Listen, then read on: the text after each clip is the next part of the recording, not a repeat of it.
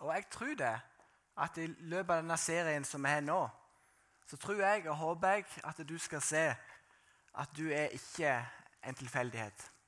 Men Gud har en plan med livet ditt. Gud bruker deg. Gud leder deg. Gud har en plan med denne menigheten her. Og Det har vi jo sett i historiens løp, at det har vært en stor plan. Men jeg tror òg at vi er enda mer godt i vente der framme. Jeg kjenner det i mitt hjerte at jeg er mer gira enn noen gang eh, denne høsten. her. Og For hvert år som går, så blir jeg det. Jeg kan bare tenke, når jeg var 14, så var jeg supergira. Kunne bare tenke deg selv. Men jeg tenker det, at vi trenger kristne mennesker og menigheter som er tent i brann for Jesus. For det eneste vi får med oss når vi dør på jorda, det er mennesker. Rett og slett. Og Når du en dag stiller deg opp framfor Gud, så tipper jeg at han vil stille deg et spørsmål. Hva gjorde du med alt det som jeg ga deg? Hvor mange vitner du til? Hvor mange forteller du om at dette var det beste av livet? Eller var det bare sånn at du mottok det fineste gaven du kan motta, og ikke delte den med noen? Det kan bare du sjøl svare på. Men jeg tror at vi har alle et ansvar for å vise andre mennesker hvem Jesus er. Og Så ser det ulikt ut i alle sitt liv. selvfølgelig gjør det det. Men hvis du ikke har den der dype byrden for at mennesker skal ta imot Jesus, så vil jeg be og så vil jeg at du skal be til Gud om å få den dype byrden for andre mennesker. For Det er ingen liv i denne verden som er bedre enn å leve 100% for Jesus, der du merker at det der skjer ting. Der du kan få lov til å bety en forskjell inn i andre sitt liv. Det er det vi snakker om, å leve sammen med Jesus. Og Det har Salem gjort i mange mange år, og jeg tror at Salem kommer til å gjøre det i mange år som kommer òg. Jeg skal utfordre dere litt på det i dag. Elin delte sist søndag om viktigheten av at alle mann er på dekk. At du er en gave til menigheten. Alle her inne er en gave til menigheten, og du har gode ting å komme med. Hun, det, hun delte et bilde med at det var akkurat så pakker eller gaver og presanger på julaften. Hvis de bare ligger under treet og ingen får åpne dem, så får vi ikke kjenne gleden av de gavene. Men idet vi åpner gavene, ser hva som er oppi, og begynner å bruke det som er oppi, da skjer det noe. Og Sånn er det i menighetssammenheng òg. Her sitter det mange gaver som ikke er blitt åpna. Du har kanskje en lukka gave. Så venter du kanskje på at vi som pastorer skal klare å se alle gavene, men jeg beklager, det klarer vi ikke. Så jeg vil utfordre deg til å våge å by på deg sjøl. Kom og si til noen av pastorene eller lederne hva skal gjøre for noe, at jeg er god i dette. Jeg er flink i dette. Jeg snakket senest med en sist søndag som delte om ting han var flink i. Og jeg elsker det. Helt fantastisk når folk bare kan komme og si det på den måten der. For alle er vi flinke i Norge. Og I dag så skal jeg snakke litt om skipsregler. Og Jeg skal fokusere på teknisk og operativ sikkerhet. Hæ? Det høres veldig fint ut. Jeg skal forklare litt mer hva akkurat det betyr. Og Jeg skal snakke om miljømessig sikkerhet. Kommer også tilbake til hva det betyr. Det blir litt sånn todelt tale i dag, der jeg kjører på og drar dere gjennom oppdraget til Salem og hva vi som menighet vil. Og i del to så snakker jeg litt mer om verdiene. Og så er det noen ting jeg skal fokusere på. så jeg kommer tilbake til. Jeg skal lese to tekster bare som en bakgrunn. Jeg kommer ikke til å gå djupt inn på dem, men bare for å dra dere inn på sporet. Kom opp på veggen her. Apostelens gjerninger 2, vers 42-47. De holdt seg trofast til apostlenes lære og fellesskapet, til brødsbrytelsen og bønnene. Hver og en ble grepet av ærefrykt, og mange under og tegn ble gjort av apostlene. Alle de troende holdt sammen og hadde alt felles. De solgte eiendommene sine og det de ellers eide, og delte ut til alle ettersom hver enkelt trengte det. Hver dag holdt de trofast sammen på tempelplassen, og hjemmene brøt i brødet og spiste sammen med oppriktig og hjertelig glede. De sang og lovpriste Gud og var godt likt av hele folket. Og hver dag la Herren til nye som lot seg frelse. Amen leser noen vers til fra Apostelens gjerninger 5, vers 12-16. Ved apostlenes hender ble mange tegn og under gjort i folket. Alle holdt trofast sammen i Salomos søylehall. Trofast, Dere merker at trofast er et ord som går igjen. Jeg kommer tilbake til det senere. Ingen andre våget å slå seg sammen med dem, men folket satte dem høyt. Stadig flere trodde på Herren og ble, og ble lagt til dem, både menn og kvinner i stort antall. De ba også syke ut på gatene og la dem på senger og bårer, for at de minste skyggen av Peter kunne falle på noen av dem når han gikk forbi. Da snakker vi. Da snakker vi tro. At, at i det minste at skyggen av Peter kunne falle på noen av de som var syke, og de kunne bli friske. Det kan vi si amen til. Amen. Det kom også mye folk fra byene rundt Jerusalem. De bar med seg syke og folk som var plaget av urene ånder, og alle ble helbredet. Det utfordrer dere. Alle ble helbredet, det var ikke bare noen. Spennende tanke, så jeg skal ikke kommentere det. På et skip så må vi stole på hverandre for at dette skipet skal fungere. I en menighet så er det sånn òg. Skal en menighet vokse, skal en utvikle seg, så må vi stole på pastorene vi har der, vi må stole på lederne, vi må stole på ledelsen i menigheten. At vi rett og slett er med og setter en rett kurs. Det er viktig. Og Jeg skal lese fra kapittel 1 fra skipssikkerhetsloven. Ikke sant? Paragraf 1. Hør på dette her. Loven skal trygge liv og helse, miljø og materielle verdier å legge til rette for god skipssikkerhet og sikkerhetsstyring. Herunder hindre forurensning fra skip. Hør på det. Sikre et fullt og forsvarlig arbeidsmiljø. Og trygge arbeidsforhold om bord på skipet, samt et godt og tidsmessig tilsyn. Litt gresk for nå, men dette er faktisk veldig bra. Så du lov å si et amen hvis du vil. Hopper videre, videre til kapittel 3. Der står det i kapittel 3, paragraf 9. Teknisk og operativ sikkerhet. Står det teknisk sikkerhet. Et skip skal være prosjektert bygga og utrusta på en sånn en måte at ut ifra skipets formål og fartsområde det, gir betryggende sikkerhet for liv, helse, miljø og materielle verdier. Hva er skipets formål her i salen, for å bruke den metaforen der? Jo, oppdraget vårt som er satt for menigheten, det er at vi skal elske Gud, vi skal elske mennesker, og vi skal gjøre disipler. Tenk på det. Vi skal elske Gud nummer én, vi skal elske mennesker, og skal vi gjøre disipler. Det er de tre tingene som vi her i menigheten er kalt til å gjøre. Og Hva er fartsområdet til denne menigheten? her? Jo, først og fremst så er det Lund her som menigheten ligger på. Vi skal være til for Lund. Vi skal bety en forskjell for mennesker som bor her på Lund. Og så tror jeg òg at vi betyr noe for Kristiansand. Og jeg drømmer om at vi skal få lov til å bety noe enda mer for hele nasjonen. Det tror jeg på. Vi skal elske Gud. Da står det du skal elske Herren din Gud av hele ditt hjerte og hele din sjel og av all din kraft. står det der. Alt handler om Gud. Alt starter med Gud, og det er Gud vi får lov til å tilbe. Tenk på det. Jeg leste en teolog som sa dette, at hele menighetens eksistens og oppdrag Styrke og målsetning og omfang har sin grunn i hvem Jesus er, og hva han har gjort. Det handler om å tro på Jesus. Det er hvem Jesus er, og hva Jesus har gjort. Videre vil jeg si det, at det er Jesus og hans nærvær som gjør en menighet til en menighet. Tenk på det. Det er hans nærvær som gjør at vi samles her. Så uten at vi kjenner Guds nærvær og kjenner at Jesus er her, da blir vi nesten bare en klubb som møtes. Men når vi samles to og tre, som er i Bibelen, da vil Jesus være midt iblant dere når vi samles der. Vi samles for å ære Han. Vi samles for å ære at Jesus sto opp på korset, eller ifra graven og sto opp igjen og døde på korset for oss. Jesus må alltid være sentrumet i vårt liv. Han må alltid være sentrum i det som menigheten gjør. Det må aldri bli viktigere at vi gjør det eller at vi gjør det. eller at vi gjør det. Men det er alltid Jesus som må ligge på førsteplassen. Veldig enkelt, men samtidig veldig vanskelig. Han er kongenes konge og herrenes herre. Det er ikke opplevelser det handler om. Det er fint med en opplevelse. Det er ikke teologi det handler om. Det er fint med teologi. Men det handler om Jesus. Så kommer de andre tingene lenger ned. Det farlig hvis alt bare begynner å dreie seg om å være rett i forhold til Bibelen, og at det er det viktige. Eller at alt bare dreier seg om å få en ny opplevelse av hvem Jesus er hele veien. Det er jo farlig. For det er Jesus som må være midtpunktet, og han er det viktigste. Det er han vi tjener, og han ga livet sitt for oss.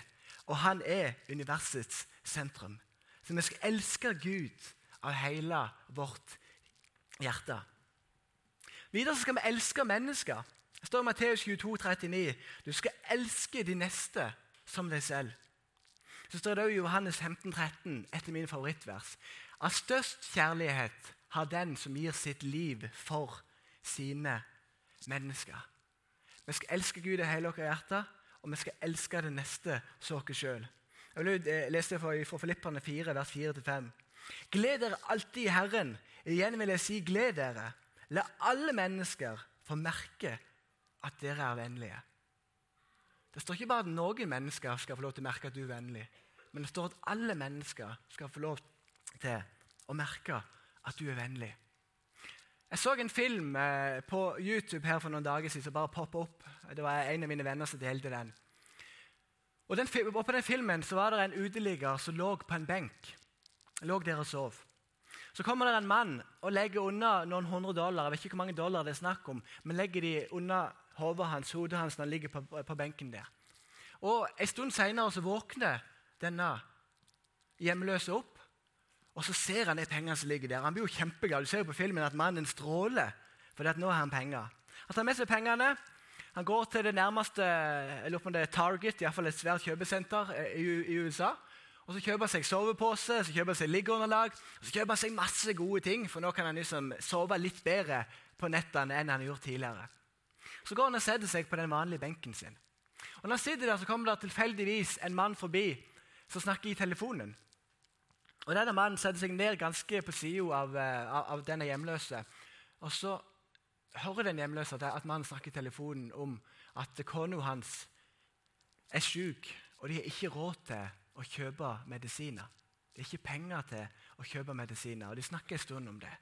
Og det som skjer da, det er at denne hjemløse han prikker han andre på skulderen så sier han det, du, kan du, kan du passe på bare den posen som jeg har med tingene mine her? Så kommer jeg tilbake litt seinere.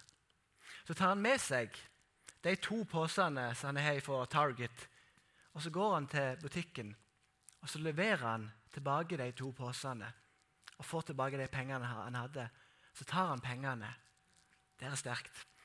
Og Så går han og gir pengene til, til denne mannen da, eh, som ikke har råd til å betale medisinene til kona, og sier det, at du trenger de her mer enn meg. Tenk på det. Han ga omtrent alt det han hadde, for at noen andre som trengte det mer enn han, som egentlig ikke hadde noen ting, skulle få lov til det. Og Så sier denne, denne, mannen da, som snakket i telefonen, at, eh, at, det ikke var sant. da. Og Så ga han han 500, 500 dollar ekstra, eller hva det var for noe. Men det hjertet som den mannen hadde, at han hadde så lite, men han var villig til å gi det lille han hadde. Og litt sånn tenker jeg at det handler om oss at vi må elske det neste som oss sjøl. Vet dere det at 20% av verdens befolkning, altså vi som lever i den vestlige verden, vi sitter på 80 av alle pengene og ressursene som er i verden. Så resten av de 80% som lever i verden, lever på 20% Og vi lever på 80 og vi, og vi er 20 Det er ganske sprøtt. Det er ingen som burde være så gavmilde og så sjenerøse som oss kristne. Og det mener jeg helt seriøst. Det er ingen som burde være det. La mennesker merke at vi er vennlige med vår tid, med våre penger og med våre ressurser. Dette er å elske vår neste. Det bandet som dere hørte som spilte på scenen her nå, mange gode venner av meg. Flere av dem hadde tre uker sommerferie denne sommeren. her. Så valgte de å bruke én av sine uker for å reise på leir med Misjonsforbundet og spille på en konferanse der nede. Det kaller jeg til å elske det neste. Hvor mange av dere ville gjort det? Kanskje noen, men jeg vet ikke hvor mange. Flere av de som er på kveldsmøtet, tok òg en av sine uker og reiste til Tyskland på leir for å bety en forskjell. Med et vaktmesterteam i Salem for eksempel, som stiller opp time etter time og gjør ting på dette bygget her. Så ingen ser. Vi merker det, men vi merker det egentlig ikke, for vi vet ikke hvem som har gjort det. Men kom med å ære dem for det som de gjør, og den måten som de presenterer og viser evangeliet på gjennom sine handlinger. Vi er to frivillige som jobber to dager i uka på kontoret her i Salem. uten å få ei krone for det. De har bare sagt at vi har lyst til å være med og velsigne. Kristine og Torbjørn heter de. Det er fantastisk. Og De burde få skrøyt, vi burde heie på dem, vi burde takke dem for det de er villige til å ofre.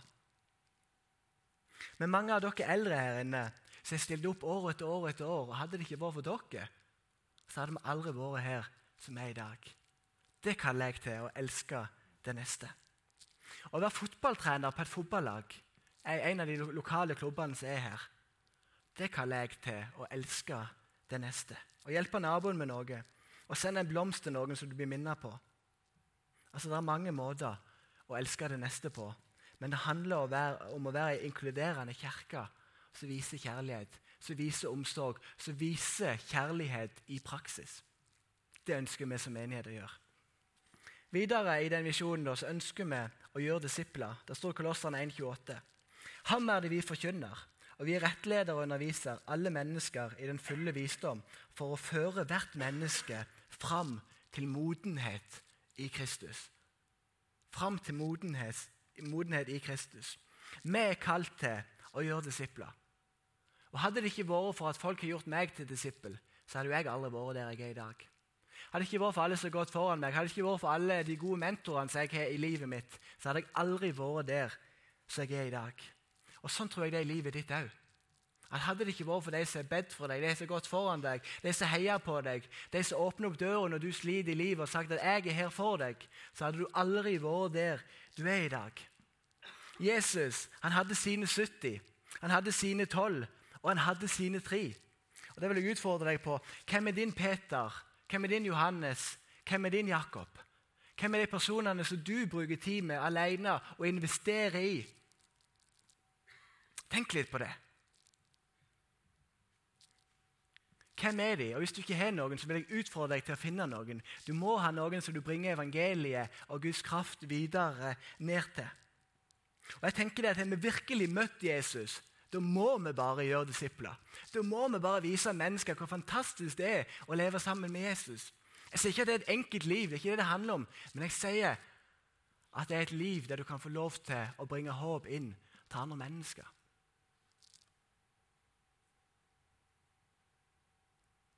Det er akkurat som et skip. Skal vi holde dette skipet flytende, og skal skipet holdes i mange år, så må vi være mange på dekk. Vi må overhalde motorene som er på skipet. ikke sant? Vi må male skipet, vi gjør det ene og det andre sånn at skipet holder seg flytende. Og Sånn er det med en menighet òg. Sånn er det i livet ditt. At vi investerer inn i andre mennesker sitt liv. Har vi ikke det å gjøre disipler på førsteplass i livet vårt, av, av, de tingene der, så tenker jeg at vi har det ikke på andre, tredje, fjerde, femte eller sjetteplass heller. dessverre. For det havner fort veldig langt ned. For vi har så mye andre ting vi skal gjøre hele veien. Så finn minst én person som du investerer i. Gjør det, så vil du merke hvor berika du blir i livet ditt sjøl. Gå til del to av talen min.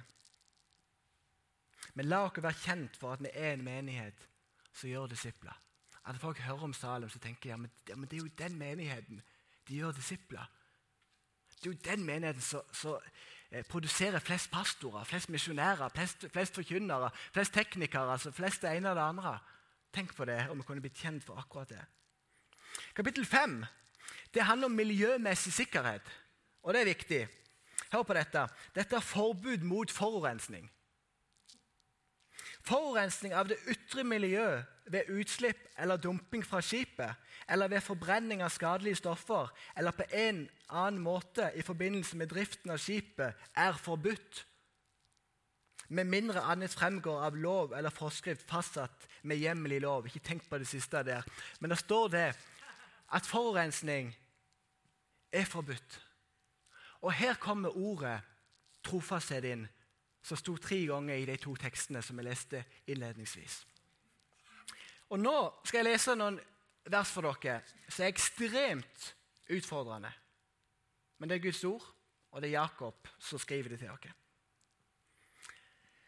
Når vi legger bissel i munnen på hestene for at de skal lystre oss, så styrer vi også hele kroppen deres. Se, også skipene, som er så store og drives av sterke vinder, de styres av et ganske lite ror dit hvor styrmannen vil. Slik er det også med tungen. Den er et lite lem, men taler likevel store ord. Se en liten ild, hvor, hvor stor en skog den setter i brann. Også tungen er en ild. Som en verden av urettferdighet står tungen blant våre lemmer. Den smitter hele legemet og setter livshjulet i brann, og selv blir den satt i brann av helvete. For all natur, både hos villdyr og fugler, krypdyr og sjødyr, kan bli temmet og er blitt temmet på den menneskelige natur. Men tungen kan ikke noe menneske temme. Den er et ustyrlig onde, full av dødelig gift. Med den velsigner vi Herren og Faderen, og med den forbanner vi menneskene som er skapt etter Guds bilde. Av samme munn går det ut velsignelse og forbannelse. Mine brødre, det må ikke være slik. En kilde lar det vel ikke strømme fram både friskt vann og bittert vann av samme oppkomme. Dette er direkte ord. Er du her inne og ikke tror på Gud, og heller ikke går denne menigheten fast, så slapp av, ta det med ro. Det går greit. For nå taler jeg litt til menigheten. Nå utfordrer jeg meg sjøl, og jeg utfordrer menigheten litt. For mange år siden så var det en gryende vekkelse oppe på Sunnmøre. Det var mange mennesker som begynte å ta imot Jesus. Plutselig så går det ut et rykte. Og det er presten i, den, eh, i kirka der oppe som, som slipper ut et rykte om den forkynneren som er der oppe. Om at han har gjort sånn og sånn og sånn. Og det ene og det andre. Og det er jo, det er jo løgn. det er jo ikke sant. Det som skjer da, det er at den vekkelsen som begynte å, å vokse, og de menneskene som begynte å ta imot Jesus, de mister, sin tro, og det blir ikke noe vekkelse. Mange år seinere ligger denne mannen på dødsleiet, denne presten på dødsleiet. Og så har han så dårlig samvittighet for det han gjorde for mange år siden i forhold til den unge predikanten som var der oppe og forkynte evangeliet. Så han sender bud på han og ber han om å komme til han. Og denne, denne predikanten som ikke ung lenger, han reiser til, til, denne presten. Og Så sier presten til han at du, for mange år siden så var du med i en gryende vekkelse oppe på Sunnmøre. Men så stoppa den vekkelsen. Og det var pga. meg at den stoppet. For det er ting som jeg sa, rykter som jeg spredde, gjorde at vekkelsen stoppa. Kan du være så snill å tilgi meg, sier presten. Og denne Forkynneren sier jo det at ja, selvfølgelig skal jeg tilgi deg, men jeg vil at du skal gjøre en ting for meg. Jeg vil, jeg vil at du skal gå og finne ei, ei pute. Og eh, denne presten synes det var veldig rart, men han går og finner ei pute, så tar han den puta. Så vil jeg at du skal finne en kniv. Og han finner en kniv. Så vil jeg at du skal skjære hull på denne puta her. Og Dette gjør jeg, presten syns fortsatt dette er veldig rart. Og så vil jeg at du skal gå bort til vinduet. Så skal du slippe ut alle fjørene som ligger i denne puta. Slipp de ut. Så gjør han dette og syns fortsatt dette er veldig rart. Og nå vil jeg at du skal prøve å gå ut og ta til fange alle de fjørene som du har sluppet ut. Og Så sier da denne presten ja, men det er jo umulig. Jeg har jo ikke sjans til å, å, å, få tak i alle, alle de fjærene der så sier jo forkynneren til henne at ja, men sånn er det med et rykte. Sånn er det med baktalelse. Sånn er det med negativitet. At er det først kommet ut en gang, så vil du aldri noen gang klare å samle det inn igjen. Det er sånn at det, Blir det lagt noe på Internett i dag, så vil det ligge der for evig. For det, det går ikke an å slette alt. Sånn er det bare. Men sånn er det med rykter. Sånn er det faktisk talt med baksnakking. Med tre verdier som handler om å være sanne. Det handler om å være rause, og det handler om å være modige. Og nå er jeg sann, og nå er jeg modig. Og så er jeg kanskje ikke like raus, men det var jeg i stad. Jeg tror det. Jeg har vært i bønn innenfor Gud. Og jeg tror det at det ligger en del grums her i denne menigheten her. Jeg merker det som forkynner. Jeg reiser i veldig mange menigheter, og jeg merker det i mange eldre menigheter. Så kan det være en del grums som ligger. Folk har krangla. Folk har sagt negative ting om hverandre uten å ta et oppgjør med det. Uten å bli ferdig med det. Og jeg tror Gud sier det, er ikke ofte jeg pleier å si det, at Gud har sagt sånn og sånn, men jeg tror det, at Gud sier til, den, til denne menigheten her, at det er på tide å be om tilgivelse. Det er på tide å gå videre. Det er på tide å ta et oppgjør med de tingene som har vært før. Jeg vil utfordre deg til det at Har du sagt noe negativt om noen, så be Gud om tilgivelse. Be Gud om å rense deg. Be Gud om at du skal få et rent hjerte framfor Han. For jeg skal love deg det at Vi som pastorer så er lederne i menigheten her, vi merker hvordan det er i menigheten. Du merker det med eneste gang. Og Jeg vil utfordre dere til å ta et oppgjør med det. Bli ferdig med det gamle. Vi må komme oss videre i livet. Definisjonen på baksnakking for Jeg tenkte med meg selv, jeg på med dette, ja, men Jonny, du går jo fri. Men jeg fant fort ut at det gjør jeg iallfall ikke.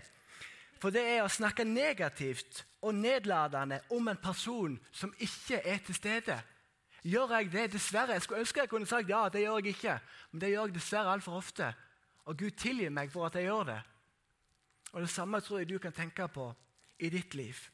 Og det er jo sånn at Når vi snakker ned andre mennesker, så gjør vi det nesten alltid fordi at vi ønsker å framheve oss sjøl, våre styrker, hvor gode vi er, hvordan vi fikser det, hvordan vi får til livet. Psykolog Ingrid Sønstebø sier det at baksnakking bidrar til å skape et utrygt miljø der du alltid vil lure på hva som blir sagt når du ikke er til stede.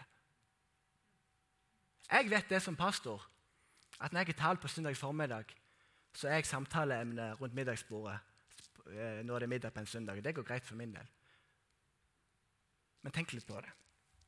Det står i ordspråkene 1628.: En falsk mann volder trette, og dem som baktaler, skiller venn fra venn. Så det er jo Jakob 4,11.: Baktal ikke hverandre. Baktalelse er som en drepende gift. Og tenk alle ekteskapene som er røket pga. det. Jeg har ikke tall på hvor mange det må være. Tenk på alle arbeidsplassene som er blitt ødelagt og forpesta fordi at vi snakker negativt om hverandre. Og enda verre tenk på alle menighetene som er blitt ødelagt fordi at vi snakker negativt om hverandre. Det gjør meg trist. At mange ganger Jeg beklager å si det, er du ny og ikke tror på Jesus, så tilgi meg. Men mange ganger så er det sånn at vi behandler hverandre verre i en menighet enn det mennesker som ikke tror på Jesus, gjør. Og det sårer mitt hjerte. Noe så enormt. Jeg er en ung pastor, jeg er en ung forkynner, men jeg kan likevel sitte i så mange menigheter hvordan dette ødelegger. Og Jeg tror Gud kaller dere ikke til å være enige, det er ikke det jeg snakker om, men han kaller dere til enhet. Han kaller dere til å stole på hverandre. Han kaller dere til å gå foran. Han kaller dere til å rett og slett våge å tilgi og til å våge å gå videre i livet.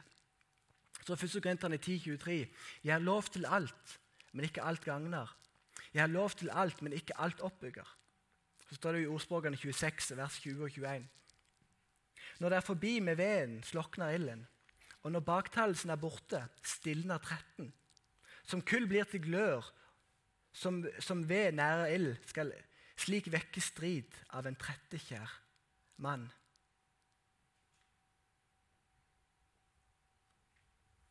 Det er veldig enkelt å prate og ha sterke meninger om ting. Men det står i Bibelen at på, at på fruktene så skal treet kjennes.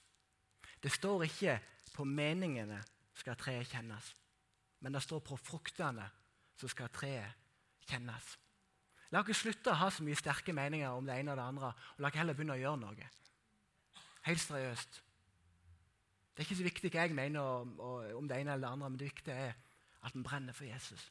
Det viktige er at vi tilgir hverandre. Det viktige er at vi våger å gå videre med det som er i livet vårt. Disippelen Peter jeg begynner å nærme meg slutten da. Disippelen Peter var opptatt av hva som skulle skje med de andre disiplene men så sier Jesus til ham, 'Hva angår det deg? Følg du meg.' sier Jesus til Peter. 'Hva angår det deg? Har du noe med det?' Nei, det har du ikke. Bare følg du meg. Snillere, varmere og det å kunne stole på hverandre. Trofasthet tror jeg er ord som ligger foran denne menigheten. her. Det, det er på tide å legge stridsøksa ned. Er du på jakt etter en perfekt menighet, kan du egentlig bare reise deg opp og gå med en gang, for det er iallfall ikke her. Vi er vanlige mennesker her inne som forsøker å tro på Gud. Sånn er det. Og videre menigheten er ikke til for deg. Men du er menigheten, og du er til for verden. Og la det være sånn i livet ditt. La oss bli ferdig med det gamle. La oss legge det bak oss. Vær så snill og la oss fokusere på det som er målet. La oss fokusere på Jesus, universets sentrum. La oss fokusere på kongenes konge og herrenes herre. La oss fokusere på han som redder meg og forandrer meg og forandrer livet mitt og forandrer livet ditt. For det er det som noe betyr. La ikke se på alle feilene alle manglene som er. Du finner tusen hos meg, og du må, og du må bare lete etter dem, men det hjelper ingenting. Men la ikke se på de positive tingene, la ikke se på de gode tingene, og la ikke se på det som ligger der. For denne menigheten her har Gud en stor plan for. Det hadde vært mye enklere for meg å bli værende i Randesund som pastor der. ikke sant? Men jeg fyller kallet mitt, og jeg tenker det at Gud har lagt noe spesielt ned i denne menigheten. her, Det samme har gjort i misjonskirke selvfølgelig. Men jeg tror det at det er noe som ligger her, og vi må bare få det opp. Vi må be, vi må tilgi hverandre, og vi må feste blikket på Jesus. Ikke på meg, ikke på Ellen Merete, ikke på alle andre, men fest blikket på Jesus, for det er han som kommer til å gjøre det. Og det kan jeg love dere. For det er han som er kongenes konge og herrenes herre. Og vi får lov til å være hans tjenere. Og nå kan bandet komme opp i Jesu navn. Amen. Så vil jeg be en bønn til slutt. Kjære Jesus. Jeg takker deg for alle de fantastiske, flotte, gode menneskene som er inne. Takker deg for alle de som har gått veien foran meg og bygd denne menigheten opp til verden denne menigheten er i dag for. Jeg bare ærer dem og ber deg om at du skal velsigne dem, far. Og så ber jeg, far, for min egen del og for menighetens del, om tilgivelse der vi har trådt feil. Jeg ber deg om tilgivelse for ting jeg ikke har sagt, og ting som er blitt sagt i denne menigheten her, far. Det er akkurat som jeg ser for meg Jesus når han henger på korset, så sier han det at tilgi de, far, for de vet ikke sjøl hva de gjør. Og Sånn tror jeg du tenker med, med oss mange ganger, far. At tilgi oss, far, for vi vet ikke sjøl hva vi gjør. Og jeg vet det, Jesus, at vi er ikke sterkere enn vi på våre kne framfor deg. Så la oss gå ned på våre kne framfor deg, Jesus, og be om nåde og tilgivelse, sånn at denne menigheten kan få lov til å bli det som du har kalt denne menigheten til å bli, Jesus. Jeg ber deg om det, Jesus, i ditt gode navn. Amen. Hvis du er inne